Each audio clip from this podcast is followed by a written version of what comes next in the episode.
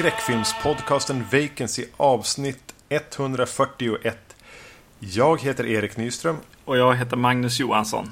I det här avsnittet kommer vi att ta vid där vi slutade förra gången med eh, Phantasm-serien. Så eh, ett tips kan väl vara att gå tillbaka och lyssna på avsnitt 140 då vi pratar om Phantasm 1 och 2.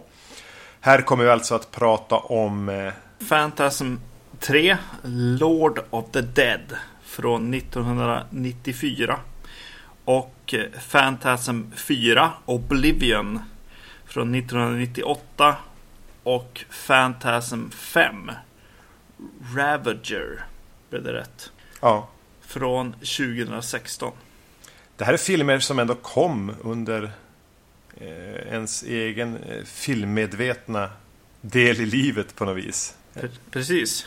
Eh, men som jag lite grann var inne på i föregående avsnitt så var det här någonting som passerade i alla fall mig helt förbi. Mm, mm. Nästan hela Sverige har vi en aning om att det var. Ja, mm. ja men det tänkte jag på. Att om det är någon som är av avvikande åsikt som visst gick och hyrde Phantasm-filmerna redan kanske på 80-talet och under 90-talet. Så rätta oss gärna, för vi har haft fel förr. Om sånt här, när vi sitter och gissar. Ja, precis. Vi är från Skellefteå. Mm. Så vi vet ingenting, höll jag på att säga. Men vi vet i alla fall att i våran hyrbutik så var det, var det inte så. Att de här fanns. Phantasm 3 då. Lord of the Dead. Mm.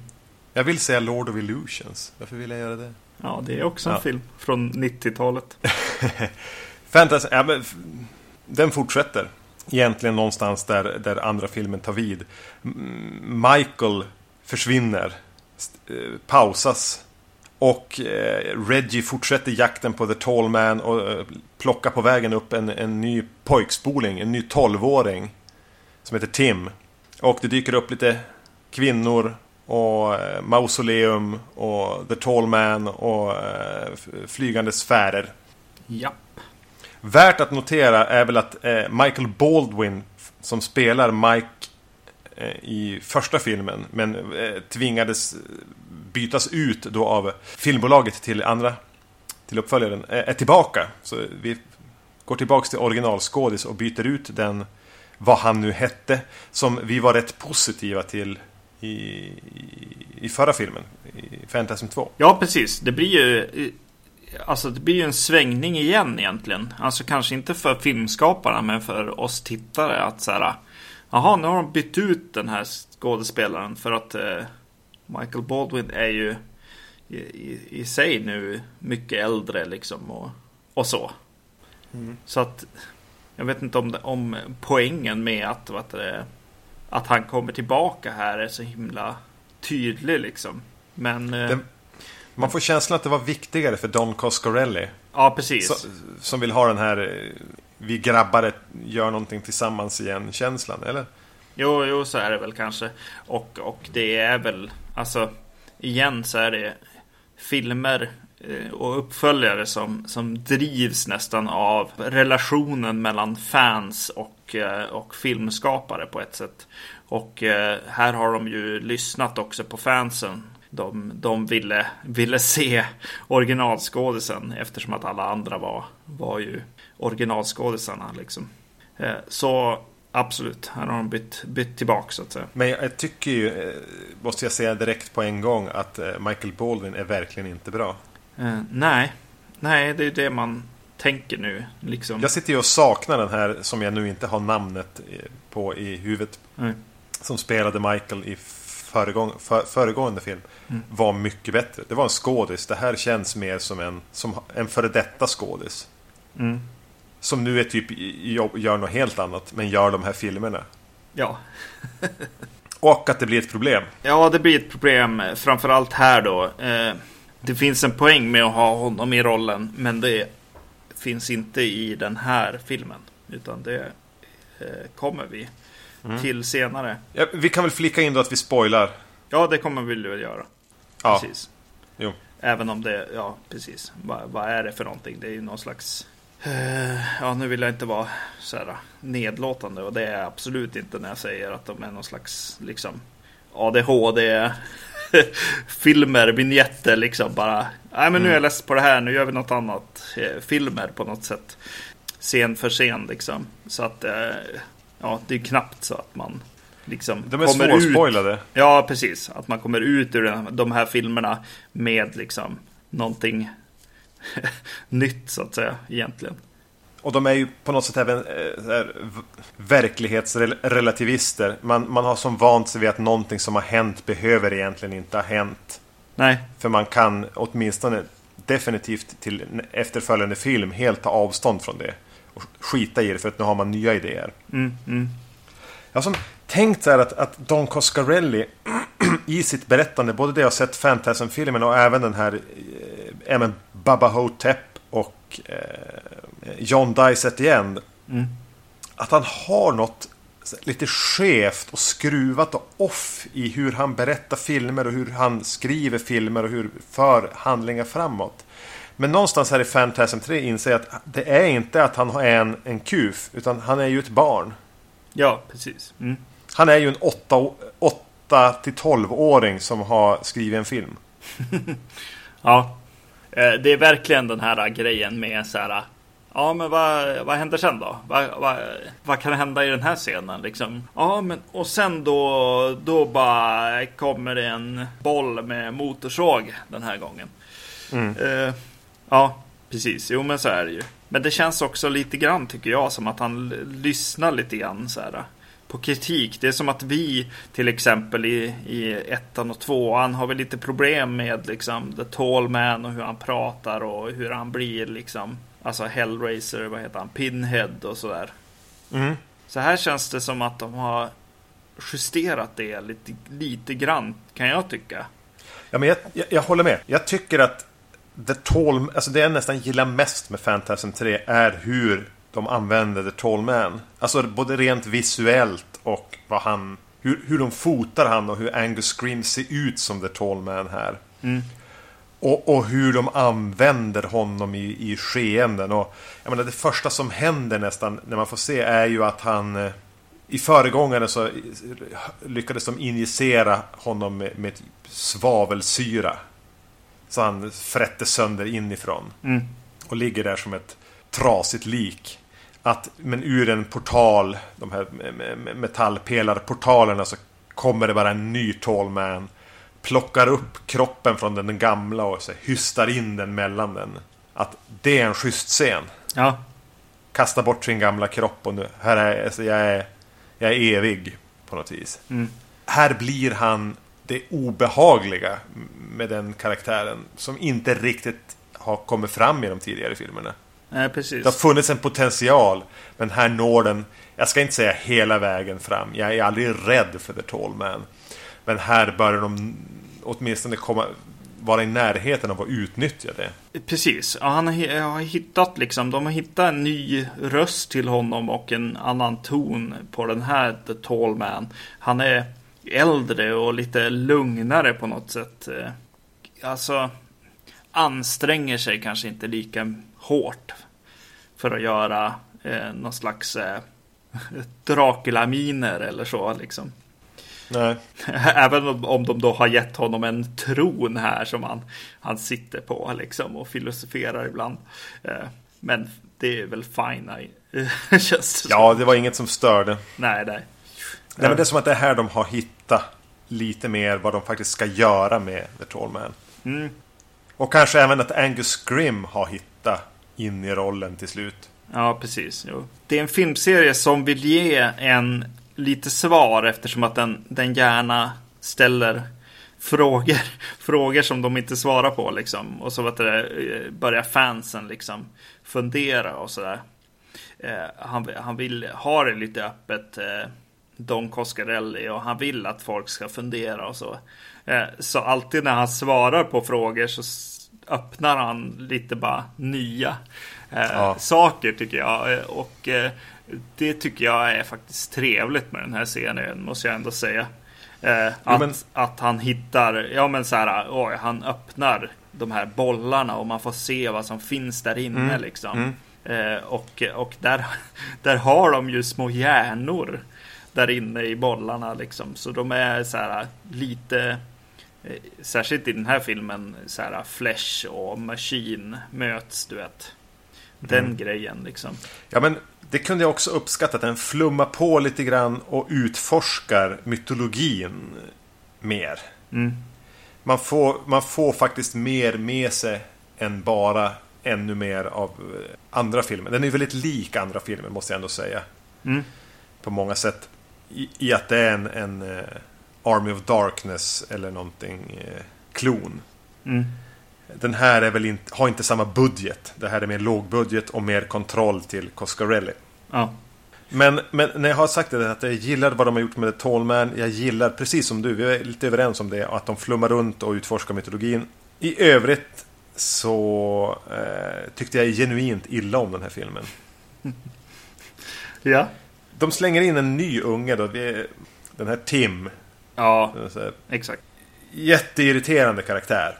Det... Och helt onödig. Vad gör han i filmen? De väljer att pausa den här Mike, Michael. Där de dessutom har fått tillbaks Michael Ball. Han försvinner ur handlingen ganska snabbt. Mm. Och så tar vi in en, en slags eh, proxy. Inspirerad av Kevin från Ensam Hemma-filmerna. Ja. Vi får träffa honom så har han på något sätt bor han ensam i ett hus där som angrips av några plundrare. Som han, han kastar typ en yxa i huvudet på en och har ex, extremt sadistiska fällor. Mycket enerverande ja, men, karaktär och vad han ens gör i filmen. Och han får ganska stort utrymme också. Ganska omedelbart så blir han en viktig spelare i det här. Ja. Av ingen anledning. Nej. Eller har jag missat någonting? Nej, eh, nej, du har helt rätt. Men alltså problemet framförallt är ju att det här är en barn, barnskådis av liksom det där som man är rädd för med, med barnskådisar. Ja, det, det blir ju bara att man är, blir irriterad på, på, på ungen liksom. Det blir mm. precis som Annie i The Phantom Menace. Anakin Skywalker liksom. Till och med så här, ja men den här ungen får eh, kör till slut den här Kudan eller vad det heter. Mm. Eh, bilen som de har och skriker yeah, yeah, jiha. Och viftar med pistoler hela tiden. Ja, precis. Det blir jävligt eh, trist och väldigt, väldigt irriterande. När man börjar mm. tänka på The Phantom Menace genom stora delar av den här filmen. Liksom. Phantasm Menace. yes. Eh, och, sen, och sen har jag då det här problemet att jag har lite svårt för Reggie. Mm. Och det här är ju Reggies eh, film. Ja men det var väl egentligen eh, tvåan också. Mm. Mm. Och jag är så jävla less på tjatsex Reggie. Eh, precis.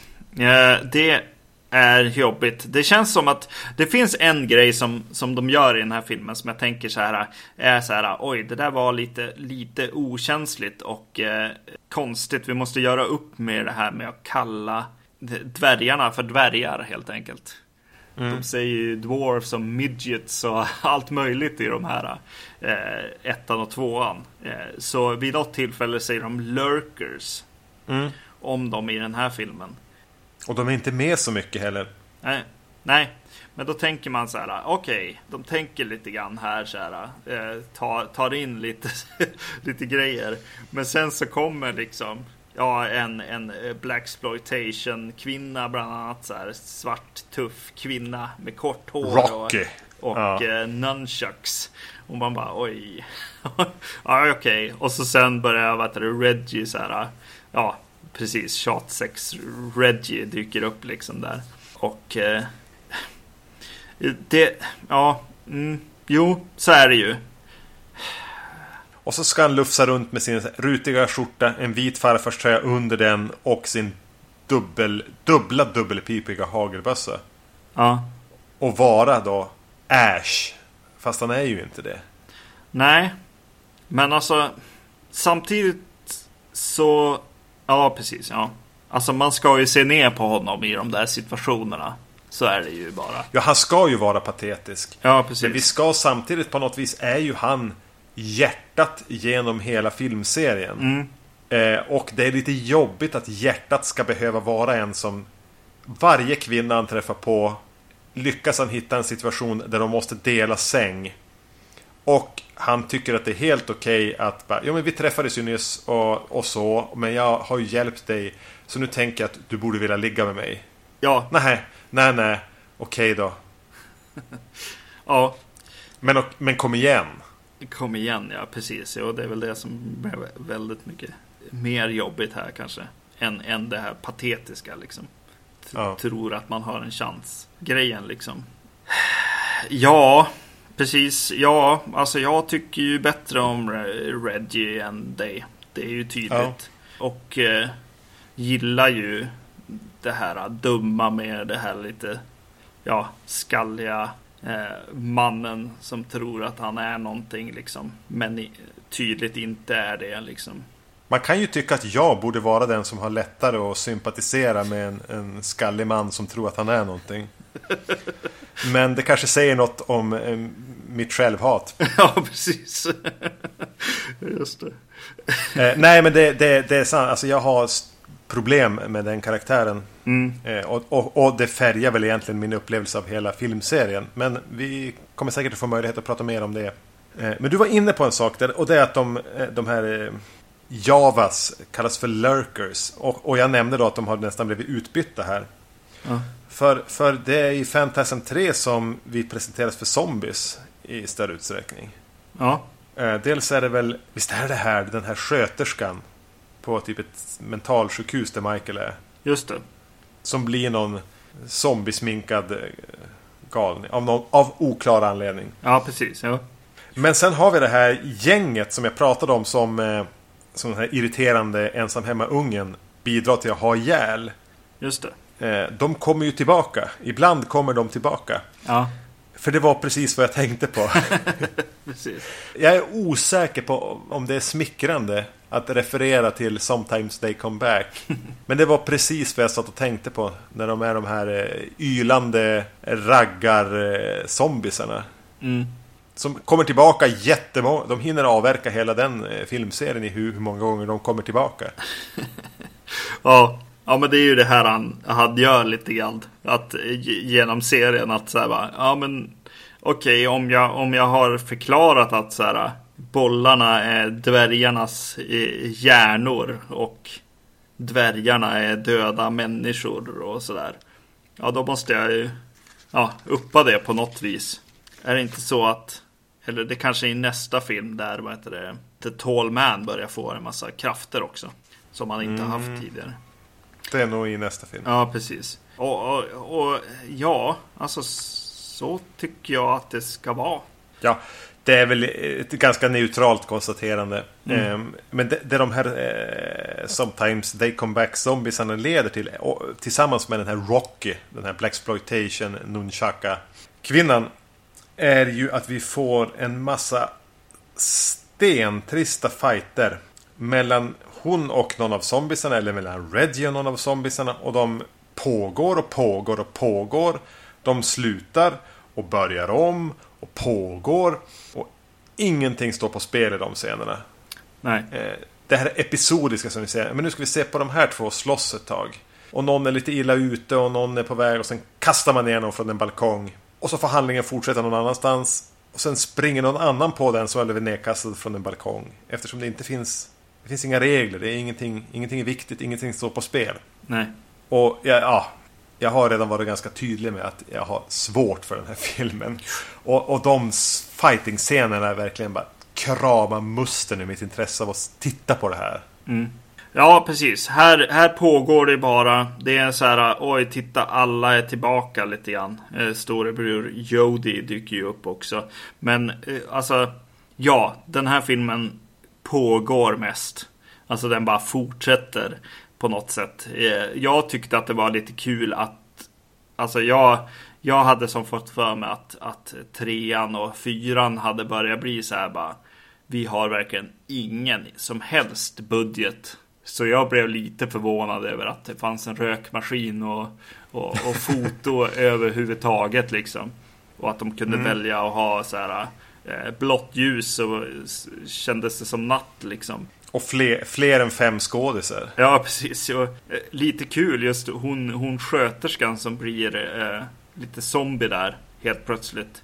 Eh, I den liksom någon slags försmak av den scenen så dyker hon upp också, vad heter hon, Lady in Lavender. Eh, lite, lite snabbt. Och, och tittar in som en, en av de andra sjuksköterskorna. Det missade jag. Ja, tyckte jag om eh, fanservice. Vilket den här filmen till stor del är och därför kanske inte har så mycket att berätta. Eh, men, men, men framförallt så faller den ju sönder på unga pojken liksom. Det är ju det absolut jobbigaste. Man kommer inte förbi det tyvärr. Man kan inte liksom förbise det liksom. Så, ja nej. Nej, och så just att den bara liksom pågår lite grann.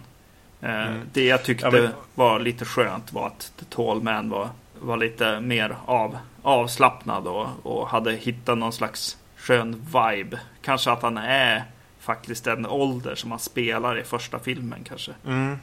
Jag satt och räknade på hur gammal, jag tror att jag kom fram till att Angus Scream var 68 när han, i, i, i den här filmen. Ja, just det.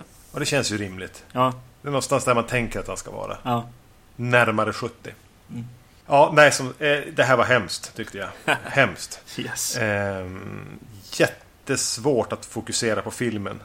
Mm. Jätterätt att tänka på eh, vilken tapet jag skulle vilja tapetsera om i vardagsrummet till. Eh, Fantasm 4, vi skuttar dit va? Det är fyra år senare, 1998. Den har en undertitel som heter Oblivion. Mest för att mm. man kunde få in ett, en romerskt eh, fyra i, i den titeln gissar jag börjar lite grann som, som Fredag den 13 filmer brukar börja med ett eh, collage från hela serien. Jag tycker att det är lite mysigt. Ja, jo men det är det ju. Jag gillar det ändå. Ja, eh, och det spelar ju faktiskt in också sen eh, i, genom den här filmen.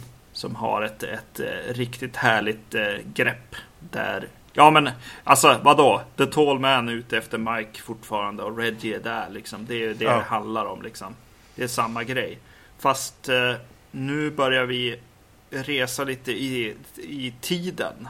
Och börja mm. utforska liksom vart kommer The Tall Man ifrån. Och... Eh, Parallella universum blir en grej. Precis, yes. Det jag tyckte var skönt som vi måste, förutom det här lite flummiga introt med tillbakablickar och sammanfattning av hela serien. Och, är att den, tar, den låtsas inte om den här jävla ensam hemma-killen från förra filmen. Nej, De insåg sitt misstag, vilken dålig idé det var. Och väljer att inte nämna det är lilla, lilla snedsteget. Precis, utan, utan man fokuserar på den här familjeangelägenheten som är Fantasm-serien egentligen rakt igenom. Eh, både i världen, alltså bröderna och eh, Reggie. Men också filmskaparna och skådespelarna, att de har följt varandra genom livet egentligen och, och, och skapar de här filmerna efter varandra liksom med, med ganska mm. långt mellanrum ändå till då fansen kontra Don Coscarelli. Mm. Mm. Och, och, och verkligen embracear det på ett sätt, den här filmen. Det är ändå värt att notera hur få, få skådespelare det är med här. Mm. Det är de vi har nämnt som har varit med från början.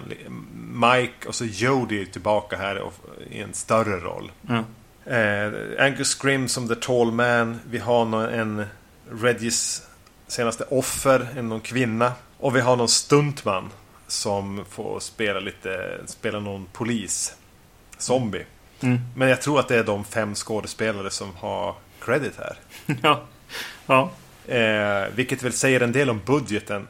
Men, eh, nej, men den börjar just där, så, flummiga introt och så köra bil i mörkret och vi får se scener ur första filmen. Och man, den här har tänkt försöka återknyta en hel del till saker som hände då. Och det beror väl lite grann på att ja, men, jag vi pratade om det när vi pratade om första filmen. Att den var ursprungligen tre timmar. Mm. Att den klippte ner det till, till en och en halv timme. Ja. Vilket gör att det finns en till film i bortklippt material. Ja. Och att de hade hittat delar av det här. Eh, Roma, och, och, och använde väl det som en eh, del i, i, i det de skulle spinna den här historien kring. Vilket gör att vi helt plötsligt kan få se sekvenser som ju med en ung Michael Baldwin. Alltså när han är 13 eller vad var han spelade.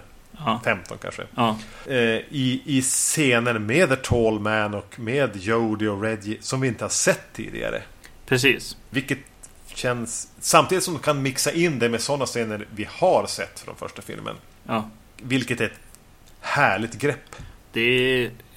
Ja, Närmast unikt. Ja. ja, precis. Jo, det kändes väldigt, väldigt unikt. Nu, nu har ju typ det vad heter han, Boyhood kommit. Men alltså när jag såg den här för första gången var det ju jäkligt starkt grepp ändå. Ja. Och, och jag tycker ju att den, den använder de här gamla bortklippta scenerna på ett, ett sätt som de verkligen försöker verkligen väva in det i eh, det de håller på att berätta i nutid så att säga. Eh, vilket skapar en känsla av att de har åkt tillbaka i tiden och, eh, mm. och spelat in lite scener. Eh, snarare än tvärtom egentligen. Att de, det känns inte bara som eh, The Clip Show liksom. Eh. Nej, jag, jag hade ju, jag tror jag nämner det i förra avsnittet att jag var, hade positiva minnen av fyran. Ja. Eh, och jag, jag, kan väl som hålla kvar vid dem. Just i hur de väver samman det här. Mm. I en rätt flummig historia om portaler som både är lite tid och rum och dimensioner hit och dit. Och vi får träffa eh, The Tall Man innan han blev The Tall Man. Vilket verkar vara någon gång på 1800-talet. Mm. Eh, och sådana saker. Ja men det är mysigt. Det är lite Twilight Zone. Knyta ihop någon slags säck. Och det här spretiga som fanns i första filmen böjer till alla de grenarna och snåren och får ihop det lite mer till en ja, nu vill jag säga boll, men det blir någon lite pinsam. Ah, skitsamma. Ja. Jag vet inte om jag vill säga att jag sa det där. Men, men att, att det, det, det är flummigt och det är konstigt och knasigt. Eh, surrealistiskt. Men, men det känns ganska sammanhållet här. Ja, den, den enda liksom frågan som, som jag börjar ställa mig är just så här. Varför är Mike viktig? Det svarar mm. de inte riktigt på, i alla fall inte ja, som jag hängde med så här. The Tall Man. Och han har en jättestark connection och The Tall Man är verkligen ute efter honom för att få igenom någon plan eh, eller någonting. Mm, och det är aldrig riktigt besvarat. Nej, precis. Det blir, det blir en grudge snarare bara kanske. Eh, från, att, från att Mike faktiskt var den som vid något tillfälle besegrade The Tall Man i, i första filmen, så att säga. Samtidigt som det, eh, visst är det det blir så här när man har sett dem i ett svep, men mm. det är här det antyds att Mike ska bli en ny The Tall Man. Ja, precis. Eh, exakt. Någonting som väl påbörjas lite grann i trean, har jag för mig. Ja, det är väldigt eh, underligt. Men det den även gör är ju att krysta vidare med allas vår älsklings flintskalliga sexualförbrytare Reggie. Ja. Som ju inte har mycket att göra här. Han får som ett separat händelseförlopp där han är på väg mot Mike. Mike är ute och så här, flumma i öknen. Mm. Lite, lite så sweat lodge-flummar med en bil. Mm. Jag tänker på det här avsnittet när, av Simpsons när Homer äter en jättestark chili. Och Johnny Cash är med och gör rösten till en, till en coyote och det är jättesurrealistiskt. Det är lite det, den känslan man får att, att Mike håller på med i, i Death Valley med The Tall Man och dimensioner och en bil. Mm. Och på väg dit är då Reggie som man brukar göra. Det vill säga han träffar en kvinna, vill ligga med henne och slåss mot lite bollar eller mot eh, zombies. Mm. Till exempel så är det en lång, lång utdragen ospännande trist scen med en polisbil. Ja. Så här lång, lång, lång färd mot ingenting. ja. Som verkligen bara skriker filler. Ja, precis. Med den här monstersnuten som, ja. som gör några Michael Myers moves. Ja. Genom att slå in rutan uppifrån taket och eh, han sätter sig även upp precis som Michael Myers. Fast lite mer forceful. Ja. Och, och kräks i munnen på Reggie. Ja, precis. Som om det vore en Sam Raimi-film här. Eh, va, va, tyckte du om det? Nej, inte just den scenen kändes verkligen som en, en filler. Jag, vill, jag ville mer veta så här, varför är vi inne och svävar i något svartvitt eh, foto från inbördeskriget där, där The Tall Man opererar på, på Mike i ett tält liksom. Uh -huh. Eh, det, var, det var mer spännande för mig. Eh, så ja, Reggie får ju någon slags andrahandsvärde här mot för i, i förra filmen. Vilket är väl den lilla balansen de kan göra i den här serien eftersom att de har så få, få karaktärer egentligen. och, och, och jag menar, Michael Baldwin är ju inte bra här heller. Eh, men, men kontrasten till när han var bra som barnskådis mm. Eh, är, ju, är ju skön. Liksom, att man kan fejda över från, från han i vuxen ålder till, till den här yngre. Som ju har häftiga scener där det verkligen känns som de börjar åka i tid och rum. Liksom. Han får för sig att han ska hänga sig ute i, i öknen där. Och så helt plötsligt mm. så eh, kommer han att tänka på eller så liksom reser de i tiden när de, han och hans bror lurar eh, The Tall Man att, att bli hängd i ett träd. Liksom. Ja. Och The Tall Man liksom kör lite mental, liksom, jag kallar på honom i, i sömnen för att skära ner honom och så här. Och det är ju en scen som inte alls, alltså, alltså det är för mig inte någonting som kan vara en bortklippt scen ur första Fantasm. Utan det känns verkligen som att den är filmad för den här filmen. För jag vet inte vart man skulle lägga in den liksom. Och det är väl sådana scener liksom. Det finns bara, bara någon sån scen som känns så här. Ja men okej, det där vet jag ju egentligen vart det kommer ifrån. När de åker glassbilen mot slutet liksom. Och det är ju någonting lite otroligt med att en sån här lågbudgetfilm kan få till det. Med upphittat gammalt material och B-C-skådisar och en halvstolpig regissör. Mm. Mm, det, det, det är häftigt. Ja, precis.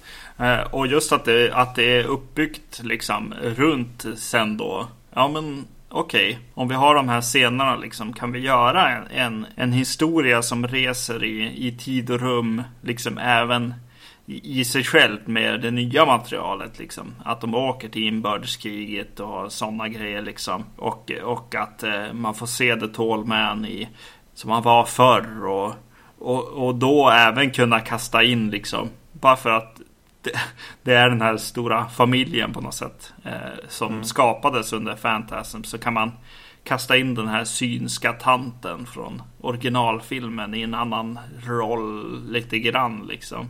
Som ändå då skapar en connection till, till The Tall Man och, och eh, kanske förklarar den här boxen som man stoppar in handen i i första filmen lite grann.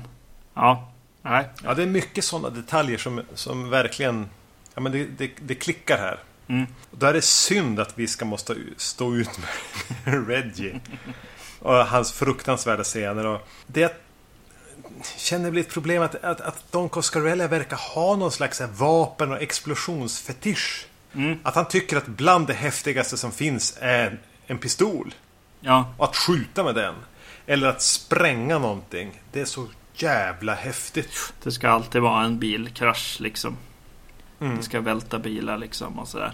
Eh, alltså, precis som jag sa att så här, den här serien är fylld av så här, ikonografi och sådana saker liksom.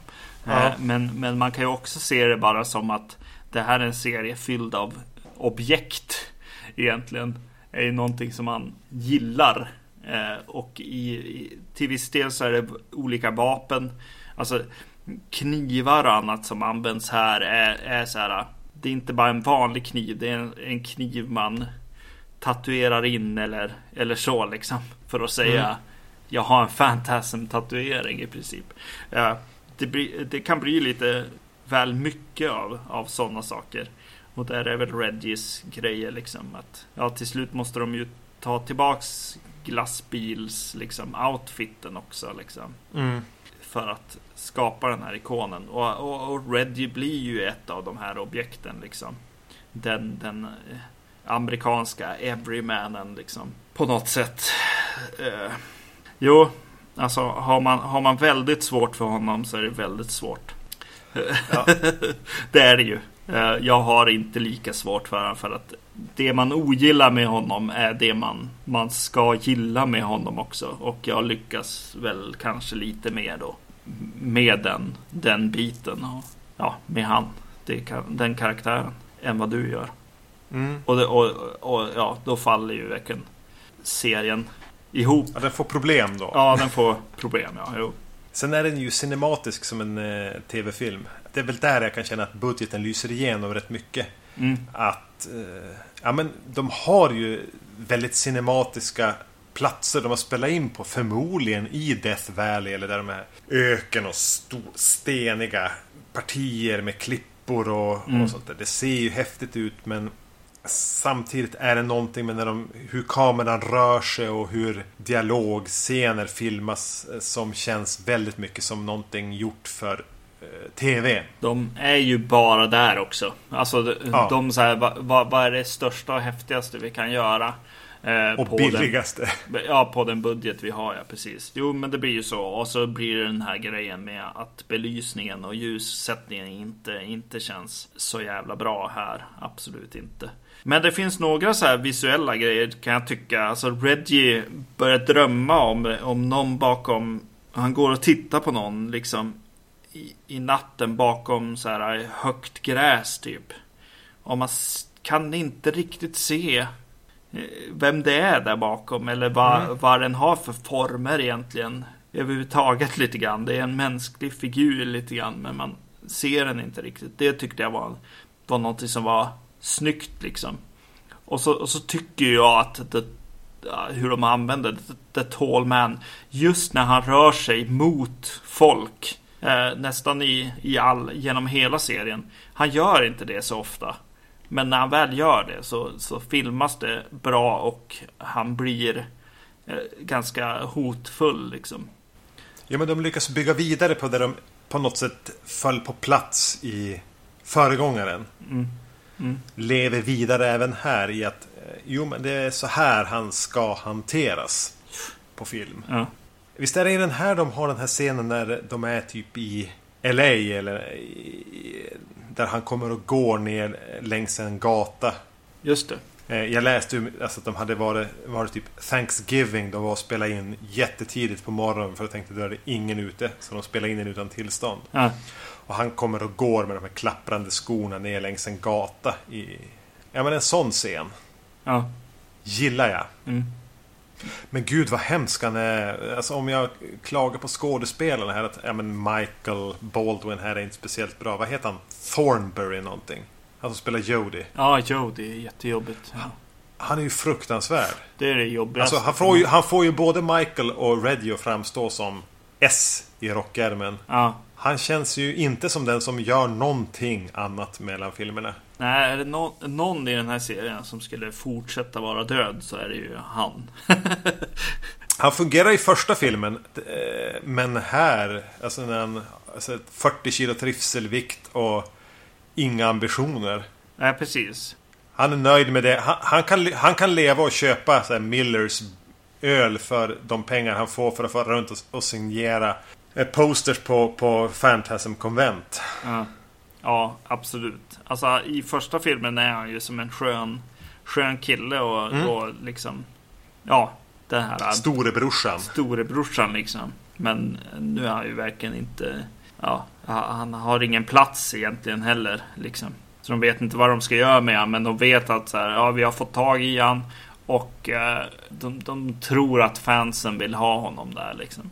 Jag som något slags fan ändå genom nu när jag har sett alla de här filmerna igen. Vill inte ha honom där. Han, han dog i en bilolycka. Eh, Det har jag fått berättat för mig. Eh, ja, eh, man, han ska ju vara det också. Ja. Här, det här minnet av den perfekta storebrorsan. Ja, Inte den här överviktiga, platta karaktären. Mm. Det är väldigt oklart vad han ens spelar för roll här. ja, Men det som är värt att nämna här är att i samband med Phantasm 4 eh, Eller mellan trean och fyran Så verkar det ju som att det är många som är väldigt förtjusta i I den här filmserien. Och att det var sn- mycket snack om en stor budgetsatsning Och att, att, att Quentin Tarantinos polare här, Roger Avery Hör till dem.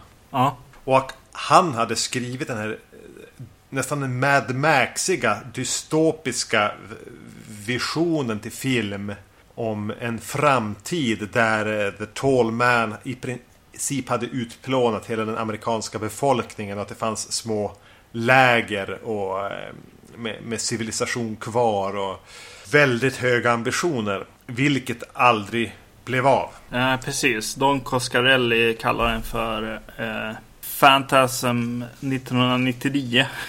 Ja. Hette väl manuset kanske. Och det fanns idéer om att den skulle heta Phantasms End och Phantasm Forever med PH Ja, just det. titeln, tror jag. Ja. Han refererar till den på commentary tracket till eh, eh, nästa film vi ska prata om. Eh, Mm. Phantasm 5 Ravager.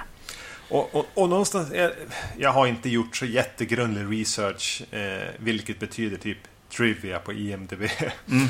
Men att, att eh, när det blev klart att, eller att, att Don Coscarelli någonstans tänkte det här som en prequel till den. Ja. Den stora, maffiga mastodontfilmsfinalen. Ja. Så var det här det som ledde upp till den. Men han valde, även när det hade, var klart att den skulle, inte skulle bli av, så ville han ändå göra den här väldigt, väldigt kompakta filmen. Mm. Kammarspelet nästan. ja. Och, och, ja, jag kan nästan... Fantasy 4 bara kort, jag är ganska positiv till den. När den flummar runt Mm. och är den här ökenmeditationen. Den hade fått kunna få vara lite kortare om man hade klippt bort Reggies äventyr på väg till ökenmeditationen. Mm. Eh, Jag tycker att den är ja, jäkligt häftig. Alltså bara, bara som exercis och ja, funkar som, som den också. Outputen som kommer från det liksom funkar. Och jag tycker att det är väldigt mysigt slut där. I, i det förflutna som aldrig riktigt var. När de Mm. när de åker iväg där med glassbilen i slutet liksom mot de här äh, äventyret och starten på kampen mot, mot The Tall Man. Ja, nej, men det är, det är alltså snyggt. Det är häftigt att, att göra sån här äh, sak av, av något som är eh, bortklippt material. Alltså. Eh, Ja. Tjusigt på något sätt. Verkligen. Yes. 98 kom alltså Phantasm 4 Oblivion. Mm. Sen bara härom året så, så, så går, 2014 tror jag Don Coscarelli går ut och säger att Phantasm 5 Ravager kommer. Vi är klara med den. Precis. Här är en teaser och ingen eh, var beredd. Nej, precis. Med ingen menar jag jag. Eh, exakt. Nej, utan det var ju verkligen att han bara kom ut och sa Ja, vi har ju redan filmat en, en, en till Phantasm-film. Eh, vilket är ju fantastisk PR-stunt och eh, väldigt, väldigt eh, roligt för eh, fansen. Jag, vill, jag vill säga oss fans eftersom att jag inkluderar mig själv. Eh, Mm. och- Jag, jag väljer att ställa mig utanför den definitionen. Ja, och eh, det var ju väldigt, väldigt roligt. Och tänk om den filmen hade kommit då också. Mm. När de säger att de har filmat och gjort klart en film liksom. Eh, men det gjorde den ju inte, utan det tog ju en jävla tid alltså. Eh, att få ut Har du någon intel på vad, vad, vad som hände där? Alltså det låter lite som post production men det är mest alltså i köpa, alltså sälja skiten liksom och få ut den på, på något sätt. Ingen ville ha den alltså? Nej, nej det verkar ju så. Eh, det blev ju eh, till slut nå, något som jag inte känner till för, företag, bolag som har den här. Eh, och släppte den på biotyp. Alltså den släpps någon månad innan Blu-ray release och DVD-release för att ha, ha haft en biovisning egentligen.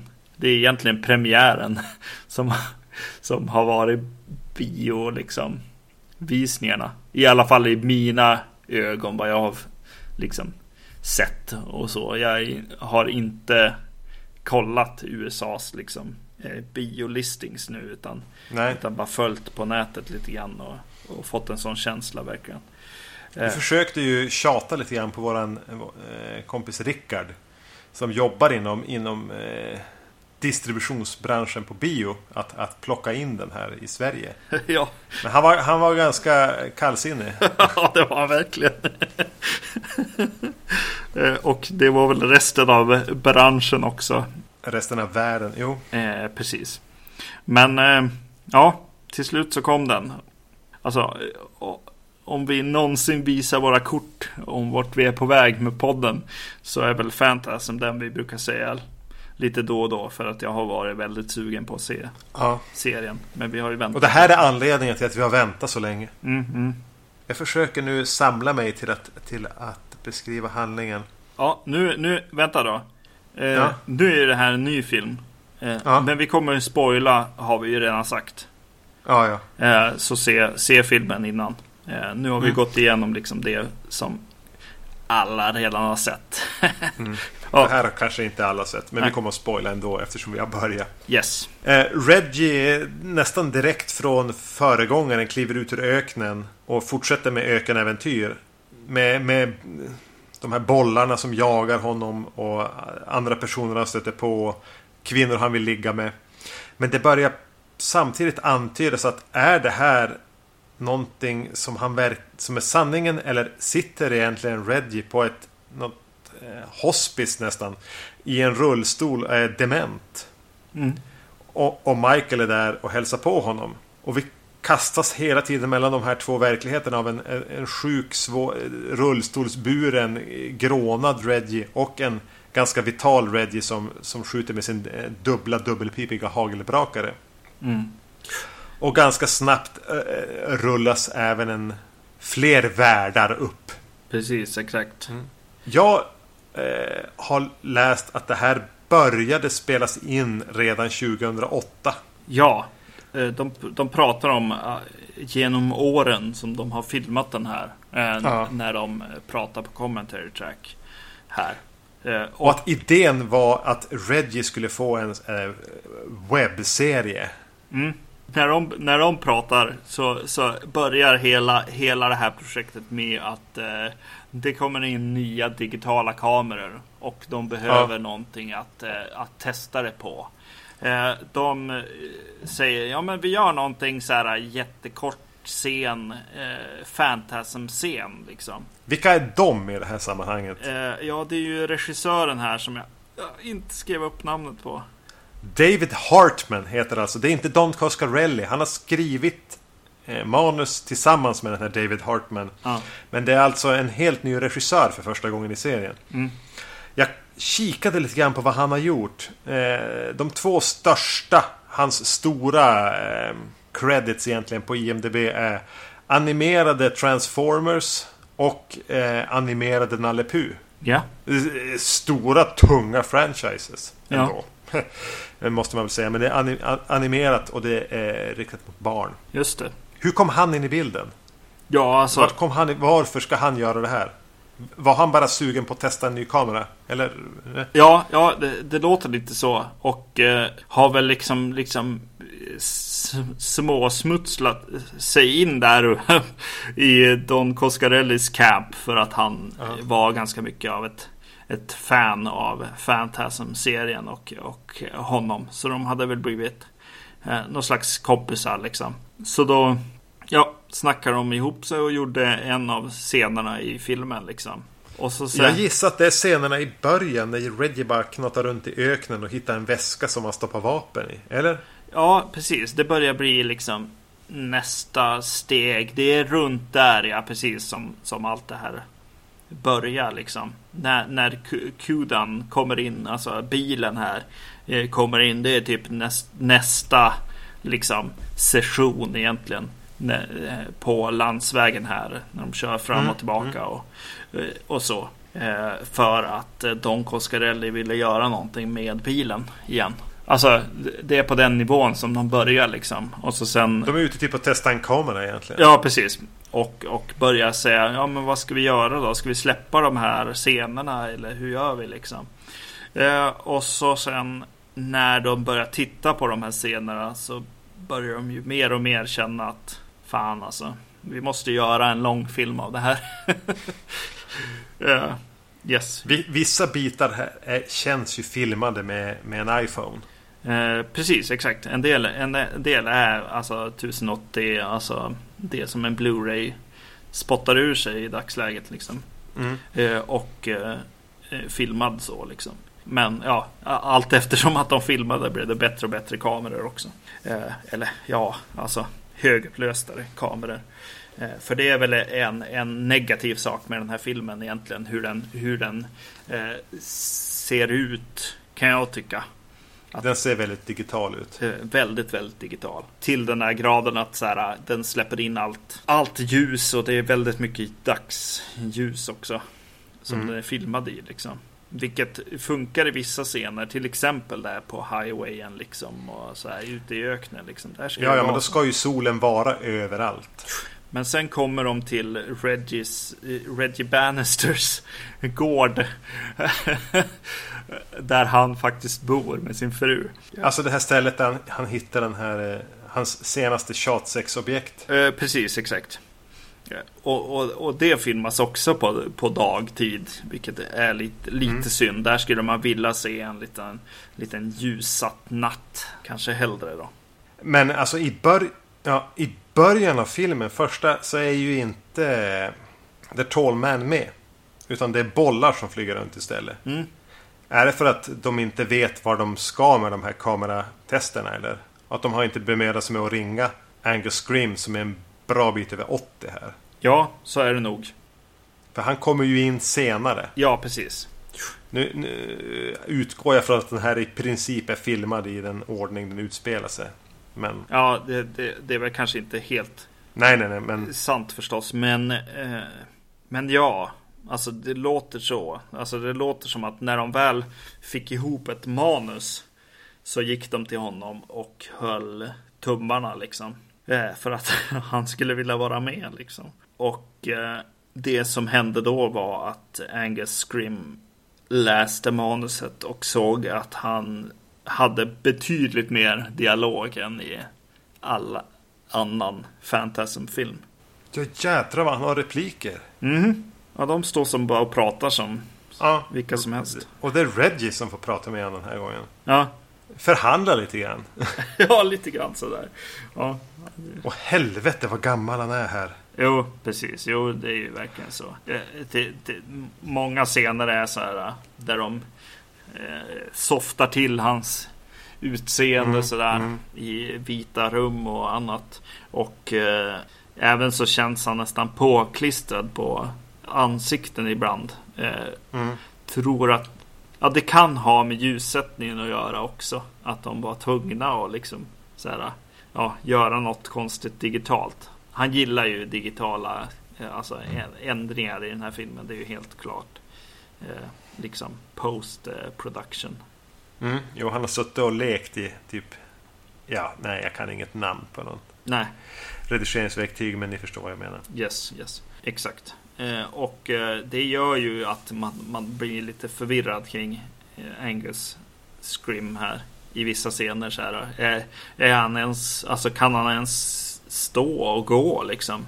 Mm. Eller eh, Vi har en ganska lång eh, sekvens där han ligger i en sjukhussäng. Ja, precis. Och det är väl den bästa med honom också. Ja. För det blir ju... Det, ja, den får ju precis den effekten liksom. Att, att eh, här är en, en faktiskt döende person i princip. Som, som filmar en scen liksom. Med, Jo, men nämnas bör ju då att Angus Scrim under 2016 dog. Mm. Och att eh, Phantasm här, Ravager, var klar så att han kunde se den. mm, Och han var väl... Eh, ja, om han var 90 ungefär ja, när han dog. Så att han var ju en 85 och uppåt. Det är oklart riktigt när allt är inspelat här. Men, ja, och inte i, inte i bästa skick fysiskt åtminstone. Men det, det ger ju någonting som du säger, den där scenen med sjukhussängen. mm. Ja, vi, vi hopp, hoppar runt lite här eh, känner jag. Och Ja. eh, precis, och du pratade om att det börjar eh, bli liksom olika sk- skeende, dimensioner, tidslinjer som jobbar, jobbar ihop här. Eh, Och om man börjar säga ana vad är, vad är verklighet och vad är, vad är nästan eventuellt Reggies demens. Precis. Eh, man lånar lite grann från Baba Hotep. Känns det lite grann här. Ja. Som ju är Don Coscarellis eh, andra stora film så att säga. Förutom Fantasm. Och alltså den biten. Vad, ty- vad tycker du om ålderdomshemsgrejen och, och, och den här. Alltså hittar han bara på sin karaktär på ett sätt. Tänker Ja, jag. alltså den, den, den håller ju den alltså ambivalensen faktiskt hela vägen in i eftertexterna nästan. Mm. Eh, beroende lite grann på hur man väljer att tolka det. Men det vill säga att jag är ändå lite imponerad av skillnaden mellan Reggie på Äventyr i öknen. Mm.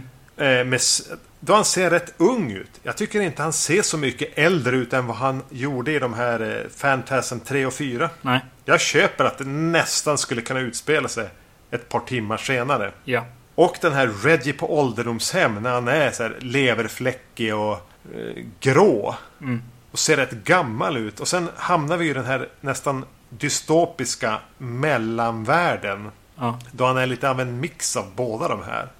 Och jag tycker att skillnaden är Alltså både makeup och faktiskt, nu ska jag ge han det, Reggie Bannister skådisen. Det blir en distinkt skillnad Ja. som överraskade mig. Att det här blir på något vis hans lite... ah, Alltså det är väl ingen stor skådespelarinsats. Men det blir en distinkt skillnad och jag gillar det. Jag tycker om att kastas mellan det här. Är det här bara en döende mans fantasier? Eller är det här The Tall Mans illusioner och en, en grupp rebeller som försöker slåss mot den här ondska, onda kraften som har tagit över hela världen. Mm. Jag tycker om att kastas mellan de här, mellan- med, med den här ambivalensen. Ja. Hela vägen in i eftertexterna. Faktiskt. Precis.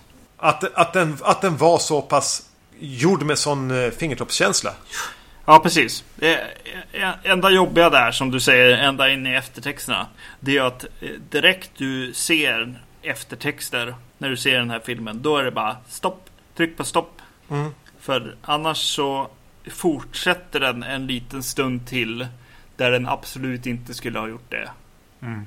Eh, anser jag. Alltså det är ju, det är ju ett klockrent slut just innan eh, eftertexterna. Och sen så bara, ja men vi har ju en till skådis som kan vara med. Som Eh, kan komma tillbaka. Ja, precis. Den här Rocky. Från eh, trean, ja. Jo. Ja. Och det är så, så väldigt, väldigt onödigt. Alltså, gud vad tråkigt. Ja, Ja. När det är så ja, klockrent. Att den är lite, så här, lite kortare och har en jävla kul punchline där liksom. Mm. Eh, ja, otroligt synd. Men Ja, och att den precis... Ja, men den håller verkligen båda delarna lika troliga. mm, Lyckas den, trots att det här är femte filmen i serien, så lyckas den få mig att, att köpa båda.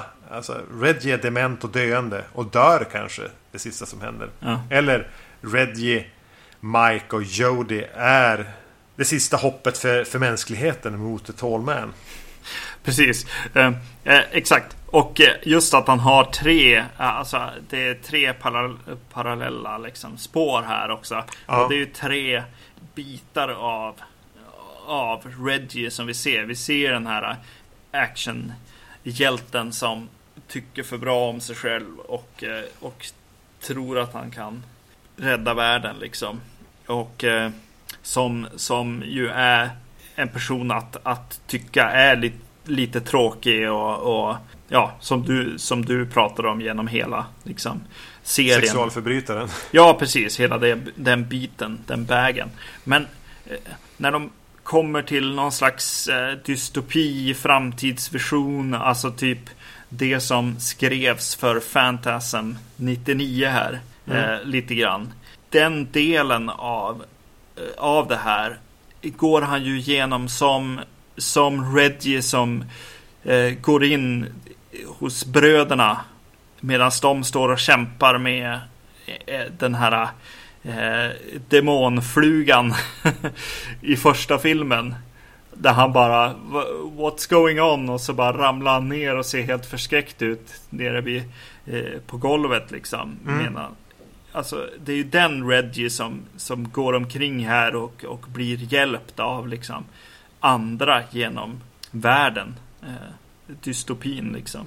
Eh, och, och det är andra som måste skydda honom från Eh, the Tall Man hela tiden. Det, det är ju häftigt på något sätt. För här får vi ju liksom bestämma själva lite grann. Och då tycker jag att den här uh, Baba Hotep Reggie som är gammal och döende och dement och eh, tar del av den här fantasm. Men alltså den här mardrömslika upplevelsen liksom. Mm. Är ju jäkligt nice som något slags slut för serien och eh, karaktären på något sätt. Som det liksom den som har följt den här serien och, och gillar den till stor del igenom.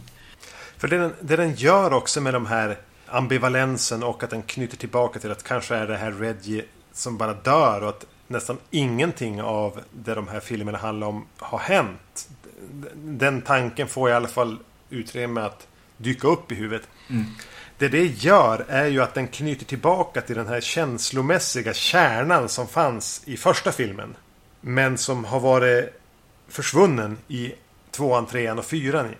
Eh, som jag ser det. Ja, precis. Där Ash Reggie har han. Ja, precis. Där det har varit Ash, Reggie och grottandes i mytologin kring The Tall Man. Mm. Så, så finns det lite grann av en känslomässig kärna här. Som den första hade ganska mycket av. Ja. Och det som gör att jag tycker att den ändå fungerar på något sätt. Någorlunda. Eh, så finns det fragment av det tillbaka här. Mm. Eh, och, och det blir inte bara en utveckling av mytologi och att göra häftiga saker. Eh, och det vinner den väldigt mycket på. Mm, mm. Sen är ju det fragmentariska som fanns i första filmen, kanske inte så mycket i andra, inte lite mer möjligtvis i tredje, mer i fjärde och ganska mycket det här fragmentariska. Mm. Ja, men vad, är, vad är någonting som The Tall Man skapar som en illusion? Verkligheten är lös. Vad är en dröm? Vad är ett minne?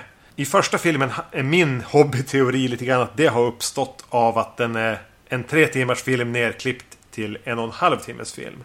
Att lite av det har uppstått liksom oavsiktligt.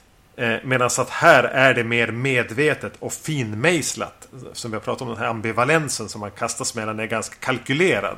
Mm. Eh, Och det är lite på gott och ont. Ja. För samtidigt som det, man känner mer att det finns en tanke och en hand bakom det. Så gör det att den här otryggheten som finns i den, den ambivalensen och det, det fragmentariska i första, hand, i första filmen försvinner. Mm. Eh, Så jag är lite kluven där. Ja. Eh, jag, jag håller ju inte riktigt med om, om, om det. För jag känner ju alltså att eh, jag, jag håller inte med om första filmens analys egentligen.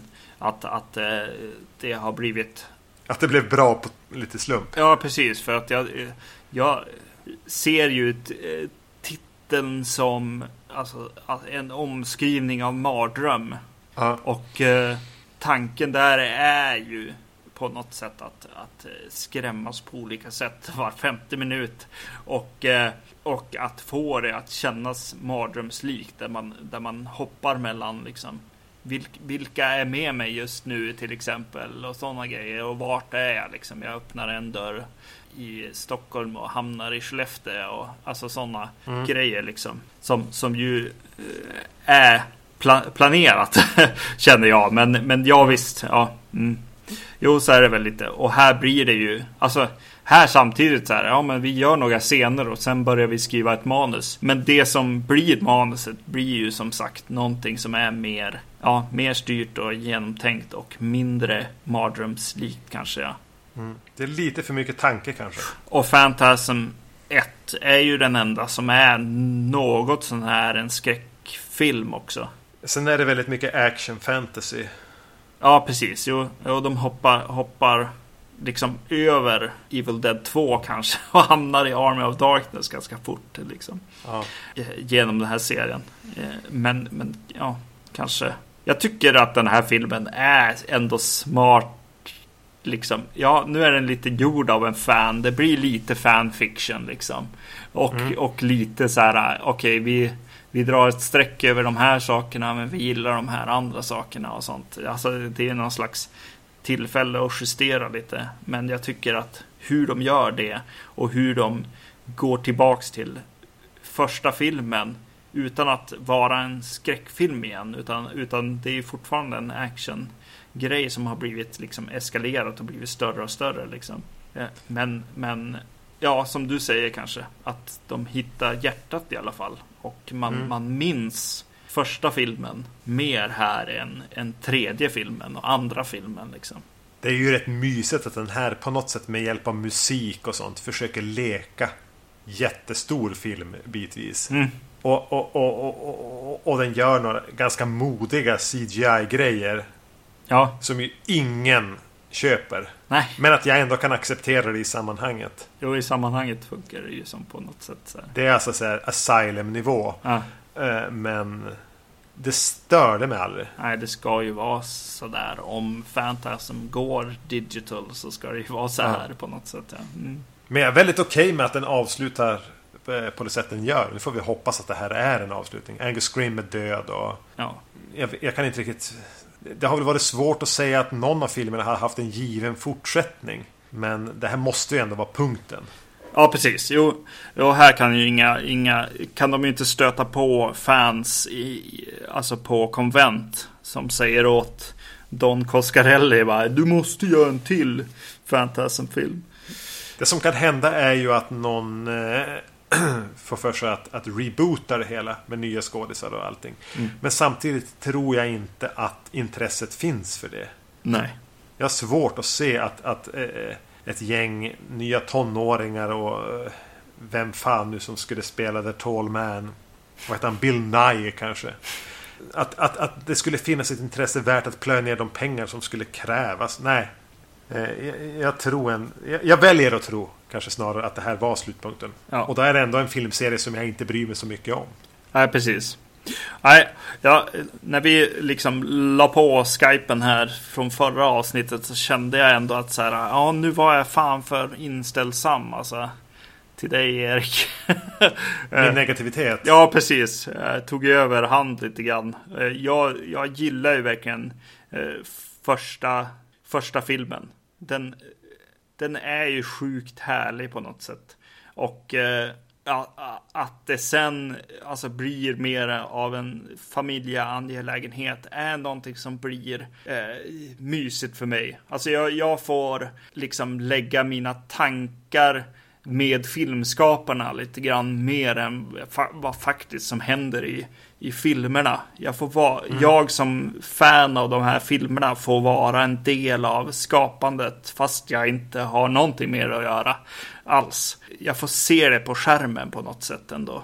Hur det känns som att de här verkligen gillar varandra och har roligt när de gör sina filmer liksom. Och det, det, det hålls uppe väldigt mycket av det. Av det så här. Ja, ja men, men det finns ju verkligen bottennapp också i Kan det. du hålla med om att tredje filmen är bottennappet? Ja, det är det absolut. Ja, ja men det... Så det, det blir ju liksom, ja för mig blir ju första filmen och ja, andra, andra, ja, ja jag skulle säga nästan fyran är nästan bättre för mig än tvåan. Ja. Ja, Men ja, det här, det här var ju okej också, men jag kan inte börja så här ranka den här filmen. Den har jag just sett liksom. Nej, och jag har svårt att rangordna den här filmserien. För någonstans bara, ja men första filmen har ju det den har. Att den har lite eh, mycket fina intentioner och, och jag gillar delar av den. Men jag stör mig någonstans på att det är någonting så väldigt fumligt över handverket. Eh, som jag vet att, att jag kunde uppskatta det mer polerade och lättillgängliga i, i uppföljaren. Men samtidigt som den hamnade i det här trista karbonkopian på Ash. Och att trean verkligen blev en styggelse så gillade jag ju hur fyran och femman mer syftar tillbaks på första filmen. Fast med kanske lite mer hantverksskicklighet från Coscarelli. Eh, eller då den här David Hartman. Ja, precis. Alltså, Men, men eh, det blir ju en. Och, då är jag inte överförtjust. Jag har småtråkigt genom alla fem filmer. värt, att, Trean har jag jättetråkigt. ja, värt att veta med Phantasm 5 här är ju att Don Coscarelli är del av crewn genom hela den här filmen. Det är inte så att han bara Hej, gör en film. Jag kommer in och kollar ibland. Eh, utan han är på, på set i princip på varje tagning liksom. Ja, Han sa att så här bara, ja men jag hade ju tillfälle att hänga lite med cast and crew liksom. Och behövde inte ta liksom jobbet så mycket liksom. Eh, och, och skulle väl kanske inte heller våga riktigt som den här regissören verkar ha gjort. Han har bara filmat och sagt jag kommer att lägga in någonting här. Det kommer att ordna sig. Bland annat så har de en sjuk åkning genom något 3D liksom landskap i den. När de öppnar Ja. en dörr och, och slutar på ansiktet på Reggie. Och, som är så här på ren så här faith. Då bara ja, ja, jag kommer att lösa det här. Och han har gjort det i princip själv också. Och det syns ju också i och för sig. Jo. Det är one man show med 3D-effekterna och sånt. Ja, det var Phantasm. Vi kom till den till slut och har, har gått igenom den. Ja. Eh, Du är betydligt mer positiv än vad jag är. Men jag är ju samtidigt eh, tycker det var trevligt att återvända till den. I det avseendet att jag vet, nu, nu, nu kan jag känna mig ganska trygg att det här är inte riktigt för mig. Eh, ja, alltså jag... Till viss del, alltså jag håller uppe det väldigt mycket för min första genomtitt på det här. Som jag håller liksom kär. Så. Det är ju mycket lättare att se bristerna här den här gången. Definitivt. Och håller med om den, men fuck it ibland, liksom, känns det Mm. som. Vi vill ju hemskt gärna höra vad ni tycker om eh, Phantasm-serien och filmerna också. Så det, eh, ta gärna emot kommentarer på Facebook eller via våran hemsida på vacancy.se eller på mejlen eh, podcastetvacancy.se. Mm. Tala om för oss om vi har fel eller kanske i synnerhet jag har fel. Eller om Magnus har fel. Ja, eh, precis, exakt. Eh, nästa gång blir det lite annorlunda i Ja, podden. verkligen. för att eh, då så ska vi byta avsnitt med vargtimmen. Eh, så Thomas och Lars kommer att hålla i Vacancy-podden och eh, vi kommer att eh, prata telefonskräck i deras podcast. Kolla då även in vargtimmen. Eh, Inte bara för att lyssna på när vi pratar om telefonskräck. Utan även för att eh, lyssna på deras tidigare avsnitt. Vi har nämnt dem tidigare i podden. Ja, mycket bra. En, en liten annan. eh, Där vi är mer en slags recensions, eh, recension av en filmpodd. Så tar de ett, ett, ett bredare perspektiv och, och kanske mer idéhistoriskt anslag. Precis, vilket är väldigt roligt att lyssna på. Och eh, de kommer att prata om två filmer hos oss nästa gång som handlar om paranoia i lägenheter. Eh, Repulsion och Upstairs Neighbor. Ja. Polanskis Repulsion alltså. Som jag vet att jag i ett ganska tidigt avsnitt av Vacancy narrade dig för att du inte hade sett den. Ja, precis. Ja. Och du har fortfarande inte sett den va? Den, den, är, den är inköpt. Eh, jag, jag, måste, jag måste faktiskt checka vad Thomas och Lars tycker om den först. Ja. Nej, Ska du se den före eller ska du se den efter du har lyssnat på när de pratar om den? Ja, jag får, jag får försöka klämma in den. Ja. Eh, Men eh, tills dess så ska jag se en jävla massa telefonskräck. Ja, gud ja. Sällan skådad research. Där, för- inte bara två filmer och sen prata om dem. Utan det blir typ handfull jävla filmer. Men den här andra de har tänkt prata om då. Som eh, Upstairs Neighbor. Som jag aldrig har hört talas om. Nej, Så det blir jättespännande. Ja. Repulsion, jag har sett den för väldigt, väldigt, väldigt länge sedan. Tyckte om den då. Mm. Ett, ett snabbt slag då för att eh, pollen om eh, vilken kannibalfilm vi ska se tillsammans med eh, Cannibal Holocaust och The Green Inferno. Den är fortfarande öppen eh, om inte du har stängt den. Nej precis. Den är öppen till, till då eh, avsnittet efter vargtimmen eh, tar över Ja. våran podd. Då, då kommer det faktiskt det här kannibalavsnittet. Som ni har längtat. Yes. Ha det bra. Tack och adjö! Yes, hej. I'm just a sitting here at midnight. and I'll be sitting here till noon. You see, my lady left me lonely. Yes, she did. Baby left me blue.